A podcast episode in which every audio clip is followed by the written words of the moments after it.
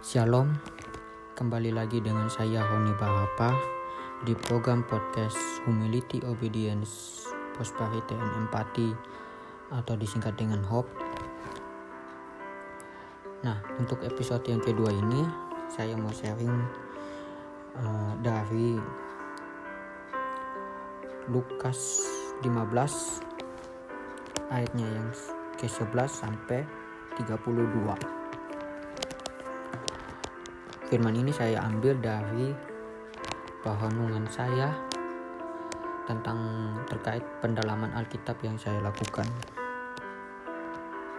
Nah, untuk judul di episode 2 ini yaitu tentang Bapa yang mengasihi anaknya. Nah, firman Tuhan pada pagi hari ini berbunyi demikian. Yesus berkata lagi, ada seorang mempunyai dua anak laki-laki. Kata yang bungsu kepada ayahnya, Bapa, berikanlah kepadaku bagian harta milik kita yang menjadi hakku. Lalu ayahnya membagi-bagikan harta kekayaan itu di antara mereka. Beberapa hari kemudian anak bungsu itu menjual seluruh bagiannya lalu pergi ke negeri yang jauh. Di sana ia memboroskan harta miliknya itu dengan hidup berfoya-foya. Setelah dihabiskan semuanya, timbullah bencana kelaparan di dalam negeri itu dan ia pun mulai melarat. Lalu ia pergi dan bekerja pada seorang majikan di negeri orang itu. Di negeri itu, orang itu menyuruhnya ke ladang untuk menjaga babinya. Lalu ia ingin mengisi perutnya dengan ampas yang menjadi makanan babi itu. Tetapi tidak seorang pun yang memberikannya kepadanya. Nah jadi uh, orang ini dia memiliki dua anak laki-laki. Nah yaitu si sulung dan si bungsu. Nah suatu ketika anaknya yang bungsu ini meminta harta yang menjadi bagiannya kepada ayahnya. Nah, anak bungsu ini uh, meminta tuh bagian da bagian yang menjadi haknya dari harta ayahnya. Nah, setelah ayahnya ini membagikan harta milik hartanya kepada anak anak-anaknya, kepada anak yang sulung dan juga anak yang bungsu. Nah, anak yang bungsu ini dia menjual harta yang menjadi bagiannya itu dan dia pergi ke negeri yang jauh untuk hidup membahoskan hartanya dengan berfoya-foya di negeri itu. Nah, set, setelah itu di negeri yang jauh itu timbullah bencana kelaparan dan anak bungsu ini mulai melarat. Artinya harta yang anak bungsu ini miliki itu mulai habis. Nah, saking dia melahatnya dia, dia sampai bekerja pada seseorang di negeri itu untuk menjaga hewan ternaknya. Nah, karena dia saking laparnya, makanan hewan ternak pun dia ingin makan untuk mengisi pautnya gitu. Nah, anak bungsu ini mencerminkan hidup kita sebagai anak-anak muda yang penuh dengan pergaulan yang bebas, yang hidup sesuka kita. Apa yang kita inginkan, itulah yang kita lakukan. Pokoknya ya kita hidup semau kita gitu.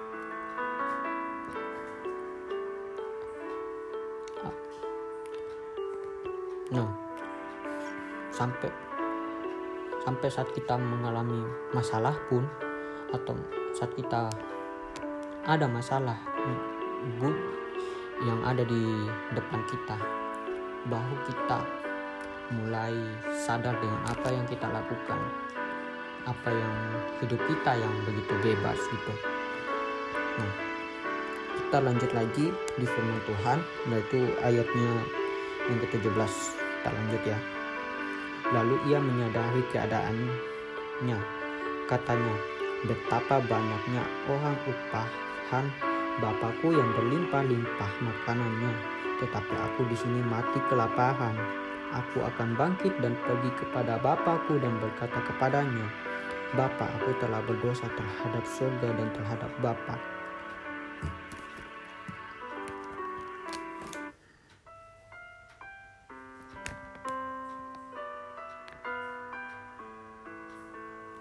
Aku tidak layak lagi disebut anak Bapa. Jadikanlah aku sebagai salah seorang upahan Bapa. Nah, jadi setelah anak bungsu ini dia sadar dengan kesalahan dia yang dia perbuat, dia mulai menyadari bahwa orang-orang yang bekerja pada ayahnya ini mereka itu hidup berkecukupan. Artinya mereka itu tidak melawat gitu. Mereka memiliki makanan untuk dimakan untuk mengisi perutnya dan mereka memiliki harta yang mereka bisa pakai untuk mencukupi kebutuhan dari orang-orang yang bekerja pada ayahnya ini.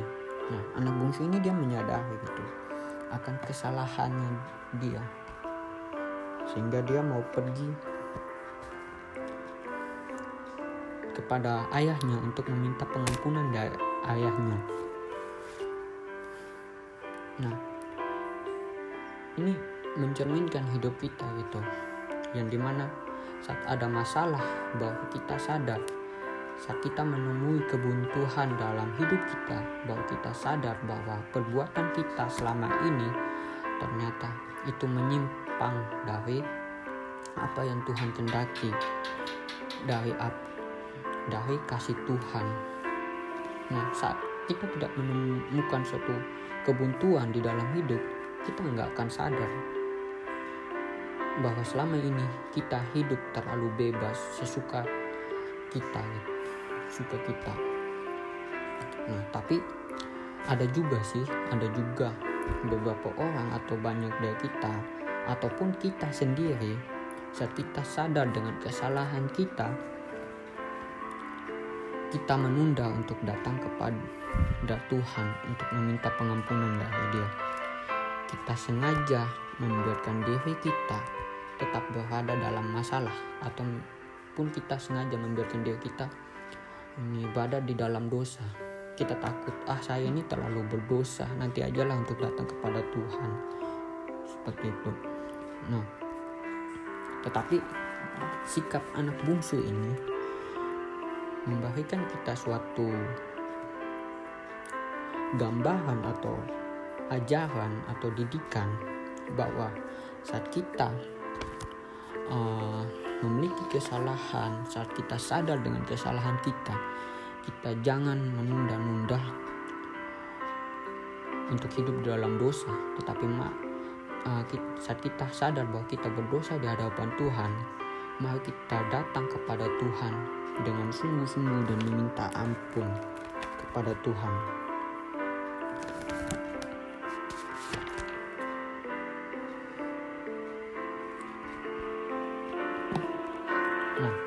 Kita lanjut lagi di ayat yang ke-20. Maka bangkitlah ia dan pergi kepada bapaknya. Ketika ia masih jauh, ayahnya telah melihatnya. Lalu tergeraklah hatinya oleh belas kasihan. Ayahnya itu berlarilah mendapatkan dia, lalu merangkul dan mencium dia. Kata anak itu kepadanya, Bapa, aku telah berdosa ke terhadap surga dan terhadap Bapa. Aku tidak layak lagi disebut anak Bapa tetapi ayah itu berkata kepada hamba-hambanya, lekaslah bawa kemari jubah yang terbaik. Pakaikanlah itu kepadanya dan kenakanlah cincin pada jarinya dan sepatu pada kakinya. Dan ambillah anak lembu tambun itu sembilan sembelihlah dia dan marilah kita makan dan bersuka cita. Sebab anakku ini telah mati dan menjadi hidup kembali. Ia telah hilang dan didapat kembali maka mulailah mereka bersuka ya. Nah, setelah anak bungsu ini menyadari akan kesalahannya dan dia mau pergi meminta ampun kepada ayahnya. Nah, ayahnya ini ketika dia melihat anaknya yang bungsu ini. Dari jauh sekalipun tergeraklah hatinya oleh belas kasihan. Dan dia pergi uh, kepada anaknya yang bungsu ini merangkul, mencium, mencium dia serta hamba-hamba. Hamba-hambanya itu untuk memakaikan jubah yang terbaik menggunakan cincin pada jangnya dan sepatu gitu artinya ini mencerminkan bahwa kasih Tuhan itu begitu sangatlah besar terhadap kita.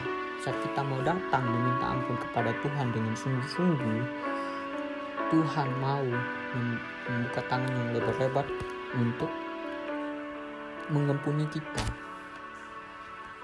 Nah karena kasih Tuhan yang besar itu Tuhan um, mau gitu datang ke dunia ini mau menderita mau dihina dicaci bahkan disangkal oleh murid-muridnya. Dipakaikan mahkota duri disalibkan mati dikuburkan dan bangkit hanya untuk menebus hidup kita. Tuhan itu itu besar kasihnya Tuhan itu bagi kita itu. Tuhan itu begitu menyayangi kita sama seperti seorang bapa yang sayang kepada anaknya. Hmm. sama seperti perumpamaan ini kan tentang si bungsu tentang anak yang hilang ini. Si bungsu ini yang tadinya itu dia hanya mau menjadi hambanya hamba atau pesuruh atau orang yang ber, ingin bekerja di ayahnya gitu.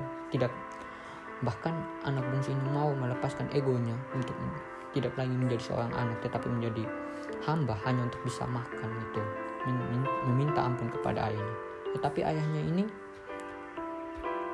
tetap mengasihi anaknya yang bungsu ini. Dia uh, memakaikan mahkota bahkan dia memakaikan mahkota gitu memakaikan uh, mak maaf ini jubah memakaikan jubah cincin dan sepatu gitu kepada ja kepada anaknya yang bungsu ini gitu. dan meminta hambanya menyembeli seekor anak lembu tambun dan bersuka cita dan makan bersama-sama jadi Tuhan itu begitu besar kasihnya atas hidup kita gitu. Jadi uh, saat kita hidup dalam dosa jangan menunda untuk datang kepada Tuhan. Jangan menunda supaya apa namanya menunda menunda menunda dos, uh, kita hidup dalam dosa ini. Menunda maksudnya menunda-nunda waktu untuk datang kepada Tuhan. Saat kita menyadari bahwa kita salah bahwa hidup kita ternyata jauh dari pada kasihnya Tuhan marilah kita datang kepada Tuhan dengan segera pada saat itu juga. Karena Tuhan itu begitu besar gitu. Tuhan kasih Tuhan itu begitu besar atas hidup kita.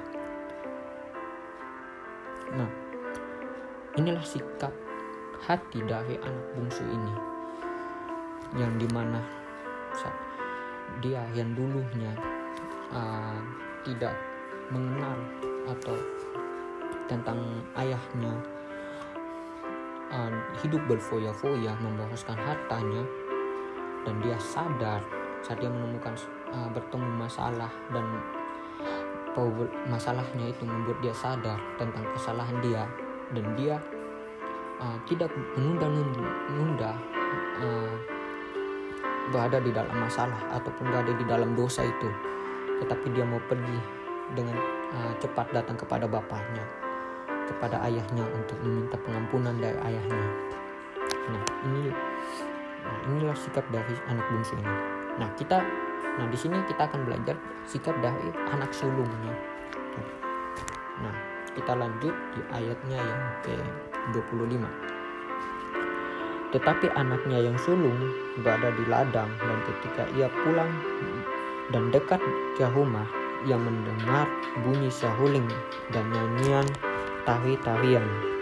Lalu ia memanggil salah seorang hamba dan bertanya kepadanya, apa arti semuanya itu? Jawab hamba itu, adikmu telah kembali dan ayahmu telah menyembelih anak lembu tambun karena ia mendapatkannya kembali dengan sehat. Maka marahlah anak sulung itu dan ia tidak mau masuk. Lalu ayahnya keluar dan berbicara dengan dia.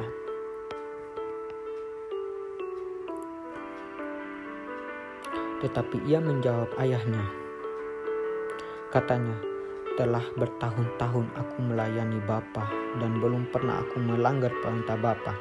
Tetapi kepadaku belum pernah Bapa memberita, memberikan seekor anak kambing untuk bersuka cita dengan sahabat-sahabatku. Tetapi baru saja datang anak Bapa yang telah memboroskan harta kekayaan Bapa bersama-sama dengan pelacur-pelacur maka bapa menyembelih anak lembu tambun itu untuk dia. Kata ayahnya kepadanya, Anakku, engkau selalu bersama-sama dengan aku, dan segala kepunyaanku adalah kepunyaanmu. Kita patut bersuka cita dan bergembira karena adikmu telah mati dan menjadi hidup kembali. Ia telah hilang dan didapat kembali.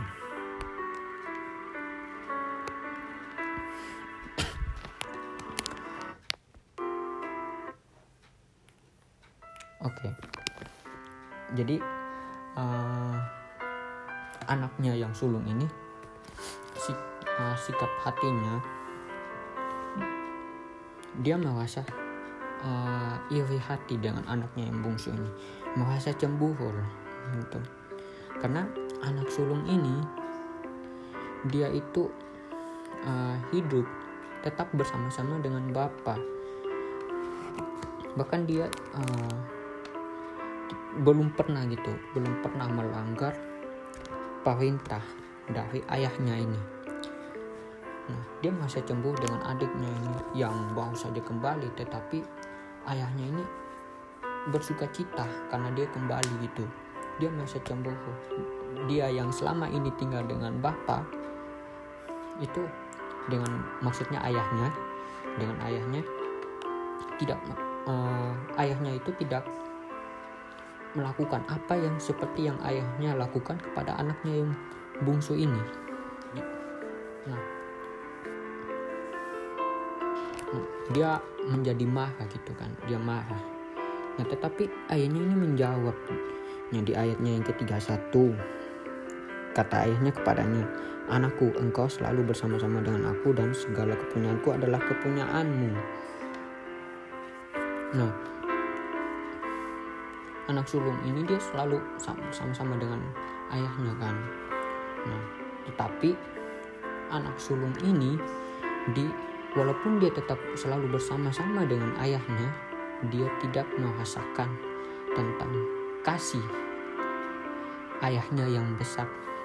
Tentang betapa sayangnya ayahnya ini kepada anaknya yang sulung ini. Walaupun dia tinggal bersama tetapi dia nggak merasakan kasih ayahnya itu sama sekali. Ini mencerminkan hidup kita yang kita mengaku Kristen dari lahir uh, terlibat dalam dunia pelayanan tetapi kita tidak pernah punya hubungan yang intim dengan Tuhan kita seperti merasa hidup uh, di dalam Tuhan tetapi sebenarnya kita di luar Tuhan. Nah, artinya kita uh, apa namanya saat kita, ini kita merasa hidup kita itu ada atau berada di dalam Tuhan gitu. Kita melayani, kita pelayanan, kita rajin ibadah. Bukan berarti pelayanan itu salah ya, bukan sih nah, bukan berarti juga kita rajin ibadah itu salah tuh artinya uh, saat kita rajin ibadah pun atau masa atau kita pelayanan pun melayani pun kita nggak merasakan had, uh, kasih Tuhan itu. Kita nggak punya hubungan yang intim dengan Tuhan. Nah, sehingga saat ini apa namanya saat uh, kita nggak punya hubungan yang intim dengan Tuhan itu hanya akan membuat uh, kita itu kosong gitu. Kita itu nggak uh, merasakan kasih Tuhan. Nah anak bungsu ini dia itu seperti orang yang baru bertobat. Dia merasakan kasih Tuhan yang begitu besar atas hidupnya. Tetapi kita yang Kristen sejak lahir atau pengikut uh, Kristus sejak lahir atau sudah lama tetapi kita sendiri itu nggak mau punya hubungan yang intim dengan Tuhan itu. Nah ini adalah sikap hati dari anak sulung ini ada perbedaan di situ.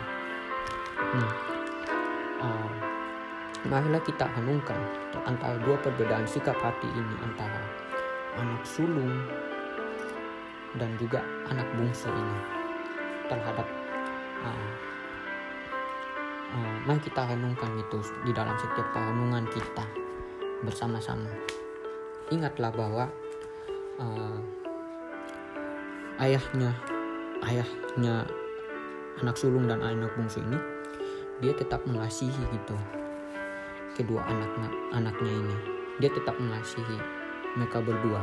Sama seperti Tuhan tetap mengasihi uh, kita semuanya seperti seorang bapak yang sayang kepada anaknya. Marilah kita memiliki sikap hati yang benar kepada Tuhan. Marilah kita memiliki sikap hati yang benar benar saat kita tahu bahwa kasih Tuhan itu seperti seorang bapak yang mengasihi anaknya marilah kita datang kepada Tuhan dengan sungguh-sungguh. Janganlah kita saat uh, kita ada di dalam Tuhan pun atau misalnya kita Kristen pun atau kita uh, rajin ibadah tetapi kita nggak merasakan akan kasih Tuhan itu. Kasih Tuhan itu ya begitu besar. Uh, Tuhan mau um, kita itu mengasihi Tuhan seperti kita mengasihi ayah kita. Jadi artinya saat kita punya hubungan yang intim dengan Tuhan hubungan yang intim itu seperti kasih seorang bapak kepada anaknya. Kasih yang benar-benar dekat kasih yang benar-benar intim itu. Milikilah uh, hubungan itu. Milikilah hubungan yang benar-benar intim itu dengan Tuhan. Agar kita tahu apa yang menjadi keinginannya Tuhan untuk kita. Apa yang menjadi kehendaknya Tuhan untuk hidup kita untuk agar kita juga tahu apa yang menjadi tujuan hidup kita yang sesungguhnya yang menjadi uh, keinginan Tuhan. Kiranya uh, firman Tuhan pada pagi hari ini boleh memberkati teman-teman semuanya yang mendengarkan podcast pada pagi hari ini. Uh, sampai jumpa di episode selanjutnya dan semoga uh, saya bisa memberikan uh, rema-rema atau perenungan-perenungan yang memberkati teman-teman semuanya. Terima kasih dan shalom.